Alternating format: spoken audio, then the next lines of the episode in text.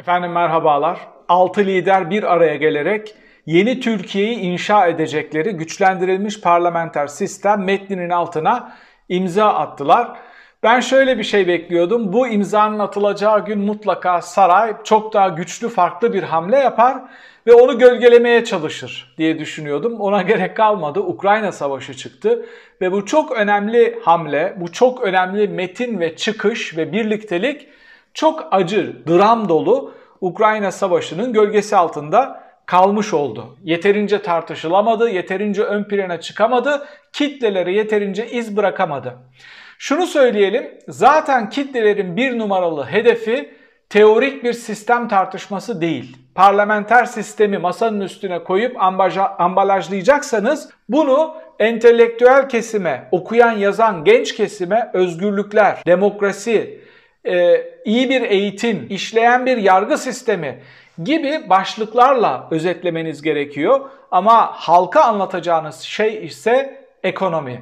Bu çöküşün sebebi otokratikleşen, öngörülemeyen, yargıyı gasp eden, demokrasiyi ve medyayı ortadan kaldıran tek adam rejimi yüzünden iflas ettik. Bir daha tek adam çıkmasın. Güç dengelerini, sistemi öyle bir kuracağız ki Tıpkı Almanya'nın yaptığı gibi ki yapılan bu öneride çok fazla Alman siyasal sisteminden iz düşümleri de görüyorum. Tıpkı Almanya'da bir daha Hitler çıkmasın tedbiriyle yapılmış, inşa edilmiş, ilmek ilmek örülmüş bir sistem görüyoruz. Güçlendirilmiş parlamenter sistem önerisi neler getiriyor? Biz buraya nasıl geldik? Bu sistem sürdürülebilir, uygulanabilir, hepsinden önemlisi bir seçim kartı olarak kullanılabilir mi?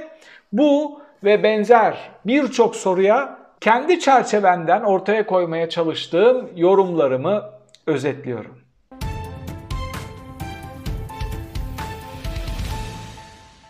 Güçlendirilmiş parlamenter sistem teklifi bir anayasa taslağı değildir. Evet içinde bir anayasa taslağını andıran maddeler var.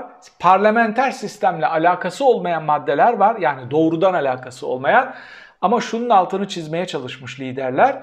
Sistemin o kadar büyük göçükleri var ki biz sadece entelektüel olarak ortaya bir parlamenter sistem modeli koysak bunun çok fazla alıcısı olmayacak. Zira o sistemi yürütebileceğimiz, üstüne inşa edeceğimiz bazı temeller gerekiyor. O temellerin de altını çizmişler. Daha fazla olabilir miydi? Böyle bakarsanız olabilirdi. Ama çok daha fazla şey koyduğunuz zaman kitleler, medya genel görüntüyü kaçırır ve oradan bir şey çıkartamazlardı. Yani aslında manşeti siz vereceksiniz. Bu tür şeylerde öyle bir taktik vardır.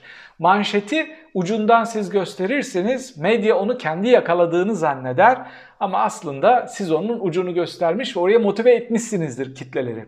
Onun için burada niye şu yok, burada niye bu yok diye eleştirmiyorum. Hatta burada olmasından normal şartlar altında gerekenden fazlası var. Burada bir parlamenter sistem tartışmasından daha fazlası var. Peki parlamenter sistemi tartışırken tartışacağımız esnada daha fazla detay gerekmiyor muydu? Evet daha fazla detay gerekiyordu ama liderler de şöyle diyor. Bu sadece bir taslak metin. Bu detaylandırılacaktır pazarlıklarla vesaireyle. Parlamenter sistemden yani şöyle bakıyorum ben bu teklife bir de. Bu altı partiyi bir araya getirebilecek ekonomi, dış politika vesaire programını oluşturmak çok zordu. Ama onları bir arada tutacak, zank rolü oynayacak kuvvetli bir e, birleştiriciye ihtiyaç vardı. Parlamenter sistem önerisi ve teklifi etrafında bir araya geldi. Sen ondan farklı değil misin, sen bundan farklı değil misin tartışmalarını bitirdiler. Neden? Şunu söyleyecekler. Bizim önceliğimiz önce bu sistemi rehabilite etmek. Biz 6 tane parti bir araya gelip tek bir parti kurmuyoruz ki. Biz sadece sistemi çok güçlü bir şekilde bir araya gelerek değiştirecek oluşumu insanların karşısına koymuş olduk. Benim kuşağımdaki olanlara şu örneği verebiliriz. Voltron'u oluşturduk. Cumartesi sabahları izlediğimiz çizgi filmde olduğu gibi. Ee, neden parlamenter sisteme geri dönüyoruz? Bunu anlatırken böyle siyasi gerekçelerle vesaireyle sadece anlatmamalıyız. Öncelikle şunu söyleyelim. Erdoğan'ın uyguladığı şey başkanlık sistemi değil. Başkanlık sistemi böyle bir şey değil. Başkanlık sisteminde denge ve denetim parlamenter sistemden çok daha güçlüdür. Neden? Güçlü bir başkan olduğu için, yürütme çok güçlü olduğu için onu dengeleyecek senato, çok güçlü kongre, meclis, çok çok güçlü yargı, bağımsız yargı, anayasa mahkemesi, böyle kılıcı kesen sistemi kontrol eden, denetleyen birçok yapı olur. Ve başkanlık sistemi genel olarak çok büyük ülkelerde uygulandığı için oralarda federatif yapı olur. Zaten güç ikiye bölünür. Horizontal olarak koyduğunuz zaman ne gelir karşınıza? Eyaletler, eyalet başkanları, onların bütçeleri, onların anayasaları güç zaten doğal olarak ikiye bölünmüştür. Bunun için biz Türkiye'de uyguladığımız şey başkanlık sistemi değil. Bu tartışmalar içinde şöyle denilirse yani ben bunu bir siyaset bilimci olarak darılırım. Ya başkanlık sistemi ne kadar kötüymüş. Başkanlık sistemini siz görmediniz. Gördüğünüz şey Erdoğan rejimi, tek adam rejimi. Bir tek adam despotizmidir bu. Parlamentoyu askıya alan, yargıyı avucuna alan yani yarı tanrı gibi bir şey. Bu ülkede bir A4 kağıda Erdoğan'ın yazıp altına imza attığı şey koskoca meclisten çok daha güçlü ve etkili. Çünkü meclis o kağıdı çıkartabilmesi için aylarca çalışıp tartışması gerekiyor. Erdoğan bir kağıdın altına imza atıp üstünü doldurduğu her şey kanun oluyor. Bunu hiçbir sultan yapamamıştı. Bunu 17. yüzyıldan sonra hiçbir kral yapamamıştı. Onun için tartıştığınız şeyin adını doğru koyalım. Bu başkanlık sistemi değildi. Bu Türk tipi de diyebiliriz, Erdoğan tipi de diyebiliriz. Bu Erdoğan tipi bir tek adam despotizmiydi. Bunu şimdi arkada bırakacağız. Ama bunu kitlelere anlatırken şöyle demeniz gerekiyor. Bu parlamenter sistem o kadar dengeli, o kadar denetleyici, o kadar başarılı, o kadar öngörülebilir, o kadar şeffaf olacak ki herkes gönül rahatlığıyla tekrar buraya gelip yatırım yapabilecek, istihdam sağlayabilecek ve ekonomimiz düzelecek. Şimdi Tansu Çiller gibi parlamenter sistemi batırmış, mahvetmiş. Askeri vesayetle, derin devletle işbirliği tutup katliamlar yapmış. Bankaların içini boşaltmış. Ahbap çavuş kapitalizmiyle ülkeyi iki kere iflasa devalüasyona sürüklemiş insanlar utanmadan çıkıp o yıllara dönmek ihanettir diyor. İhanetin daniskasını siz yaptınız. Dünyanın en başarılı demokrasileri senelerdir koalisyonlarla yönetiliyor. Hmm, şimdi o noktaya gelelim. Buradan vuracaklar. Geçmişteki kötü noktalardan vuracaklar. Koalisyonlar zamanında ortaya çıkan çöküşlerden vuracaklar. Arkadaşlar siz orada gerçek bir parlamenterizm yaşamadınız. Askeri vesayet vardı Türkiye'de çok derin yapılar vardı. Tam sivil bir demokrasiye geçecekken Erdoğan sivil bir diktatörlüğe dümeni kırdı. Siz normal şartlar altında demokratik zemin üstünde ilerleyen, yürüyen güçlü bir parlamenter sistemi hiç tatmadınız. Ha bugünlerden iyi miydi? Bugünlerden bin kat iyiydi. Devlet devlet gibiydi. Medya iyi kötü dengeler içinde yürüyordu. Farklı medya kuruluşları vardı.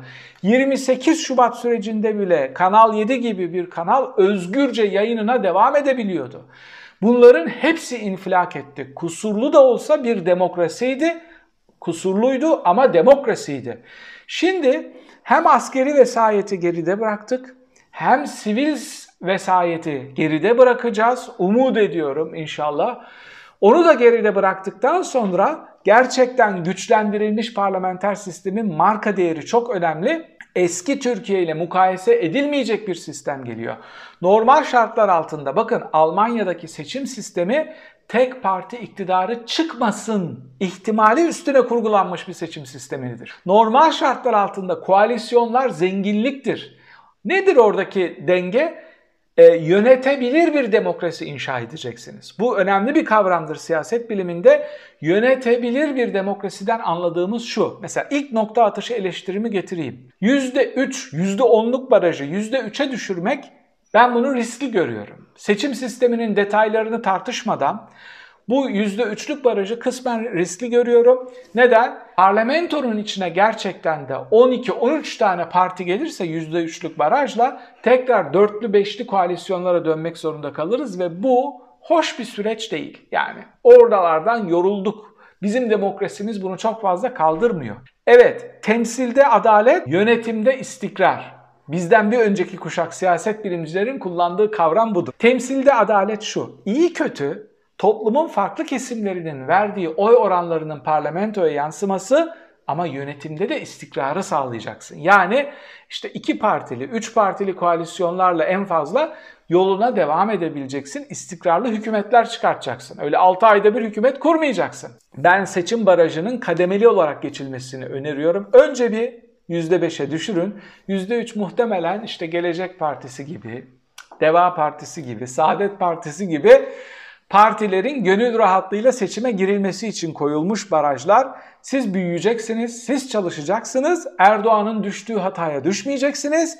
Barajı Türkiye gerçeklerine göre koyacaksınız, kendi gerçeklerinize göre değil. Benim ilk kritiğim bu. %3 değil, %5'lik bir baraj olması gerekiyor. Ha sizin temsil hakkınızı nasıl koruruz? Şöyle koruruz. 100 tane Türkiye milletvekili koyarız. %1'i aşan her parti bu 100 milletvekilinden aldığı oy oranına göre milletvekili çıkarır. %1 mi aldın? 1 milletvekili. %3 mü aldın? 3 milletvekili. Yani %5'i bulamayan küçük partilere de parlamentoda temsil imkanı veririz. Bir öneri çok. Yeter ki tartışalım. Yeter ki siz ortaya somut şeyler koyun. Biz fikir üretiriz, revize etmeye çalışırız, katkı sağlamaya çalışırız. Onun için bu metni beğendiğimi söyleyebilirim. Parlamenter sistemin koalisyonlarından korkmayacağız. Bunu çok ciddi bir şekilde anlatmamız gerekiyor. Koalisyonlar kazanımdır, renkliliktir, hatta istikrarın akümülatörüdür, motorudur. Cumhurbaşkanına getirdikleri şeyi beğendim, modeli beğendim. 7 yıllığına seçiliyor. Cumhurbaşkanı tarafsız oluyor ve bir hakem rolü oynuyor. Tarafsız bir ombudsman gibi yürütmeye karışmıyor. Cumhurbaşkanının görevi nedir biliyor musunuz? Bunu geçmiş videolarda bir iki kere anlatmıştım kısaca. Cumhurbaşkanı 18. yüzyıl, 17. yüzyılın sonlarına doğru kralların kısmen parlamenter sisteme geçmeye başlayan ülkelerde oynadığı rolü oynamaktır Cumhurbaşkanının rolü. Ne demek bu? Kral mı olacak? Hayır. Yani kral dediğin sembolik bir şey. Bütün Avrupa'da krallar var. Yürütmeyle alakaları yok. Cumhurbaşkanı neden bir seferliğine seçilir? Şundan dolayı. Popülist olmasın. Bir daha seçilme opsiyonu olursa devletin çıkarlarını gözetemeyebilir ve tekrar seçilebilmek için göz yumar, pazarlık yapar. Bazı şeylerin önünü açar. Bu olmamalı. Onun için Cumhurbaşkanının tek sefer seçilmesi önemli bir maddeydi. Bunu koymuş olmaları çok hoşuma gitti. Bir daha siyasete dönemezi de tedbiren koymuşlar. Al sana 7 yıl 7 yıl yönettin yeter. Siyasetten çekil. Tekrarını koymayalım. Bir daha parlamenter sistem içine girme sistemi tıkama koymuşlar. Bu da tartışılabilir. Kısmen çok genç siyasetçiler için kısıtlayıcı bir şey olabilir ama ben bunu şık buluyorum. İnsanların siyaseti veda etmesini şık buluyorum. Bunu bizde yapan çok az siyasetçi vardır. Bir tanesi merhum Erdal İnönü'dür. Yaşarken insanların batılı bir sosyal demokrat gibi işte güce vedalaşması bakın literatüre girmiş. Burada yad ediyoruz onu, anlatıyoruz. Bir ders gibi yani. Bir olumlu bir örnek olarak anlatıyoruz. Bunun maddeler olarak buraya koyulmasını da başarılı görüyorum. Cumhurbaşkanına sembolik etkiler verilmiş tamamen seremonyal olarak orada ve devlet içindeki denge denetim mekanizmalarını, atamaları, işte hükümet belirlemeyi koordine edecek bir devlet büyüğü rolü verilmiş. Bunu beğendim. En altını çizerek tartıştıkları maddeler yargı ile alakalı. Hep söylüyorum Türkiye'deki despotizm sadece yargı işlemiş olsaydı, sadece yargıçlar biz adaletin yanında duracağız, tek adamın kapı kulu olmayacağız demiş olsaydı ülke buraya gelmeyecekti. Şu berbat anayasayla, şu berbat sistemle bile bu kadar büyük bir ekonomik e, iflas, siyasi savrulma yaşamayacaktık. Yani bu çöküşün Erdoğan ve saray ekibinden sonraki en büyük faturası yargıyadır. Medyaya bile demiyorum bakın. Çünkü medya inanındırıcı değil. Medyadakiler seviyesiz, şaklaban, iki kelimeyi bir araya getiremeyen, inandırma ve etki kuvvetleri olmayan bakın milyar dolarlık yapıları alıyorlar. Bir YouTube kanalı, kanalı kadar etkin olamıyorlar. Neden? Çapsızlar. Onun için en büyük saraydan sonraki en büyük günahı e, ben yargıya yazıyorum. Onun için yaptıkları şeylerde, önerilerde Anayasa Mahkemesi'ni dengelemeye çalışıyorlar. YSK'yı yeniden düzenliyorlar. Hepsinden önemlisi e, HSK'yı yeniden düzenliyorlar. Onu ikiye ayırıyorlar ve Anayasa Mahkemesi'nin rolünü güçlendiriyorlar. Sınavları kaldırıyorlar. Yani sınavlar duruyor, sözlü sınavları kaldırıyorlar. Adaletin altını çiziyorlar yaptıkları tekliflerde. Daha fazla bunu tartışırız. Zamanımı doldurdum, detaylara çok fazla giremedim. Kürt seçmene çok güzel bir sinyal vermişler. Kayyumu kaldırıyorlar. Yani bundan sonra sizin seçtiğiniz adamlar sizin belediye başkanınız olacak. Yasaların dışına çıkmadığı sürece onlara kimse dokunamayacak garantisi veriyorlar. Bu çerçevelerden baktığımız zaman bir, özet geçiyorum. Türkiye güçlendirilmiş bir parlamenter sisteme mahkumdur, muhtaçtır. Bu tek adam despotizminden kurtulmadan ekonomik krizden çıkma ihtimali yoktur. 2. Öneri bir anayasa önerisi değildir. Bu sadece parlamenter sistem önerisidir ve bir taslak metindir. Buna acımasız bir şekilde saldırmanın anlamı yoktur. 3. Burada geriye dönüş yoktur. Sizin geçmişte hatırladığınız parlamenter sistem iyi kötü, kusurlu da olsa bir demokrasiydi. Bugünlerden çok daha iyiydi ama geçmişte hazırladığı, hatırladığınız kötü şeyler daha ziyade askeri vesayet, askeri elitlerle sivil elitler arasındaki çatışmalardan dolayı vuku bulan şeylerdi. Onun için ben umutla, heyecanla bu rejimi süpürüp atacak ve çok daha güçlü, yanlışlardan çok şey öğrenmiş, çok daha güçlü bir sistem inşa edecek bir önerinin tartışmaya açılmasını çok heyecan verici buluyorum.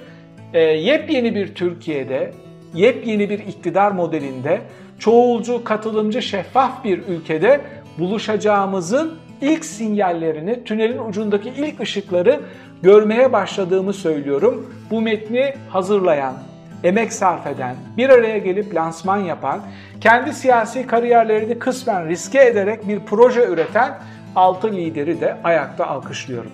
Bir sonraki yayında tekrar birlikte olmak üzere efendim. Hoşçakalın.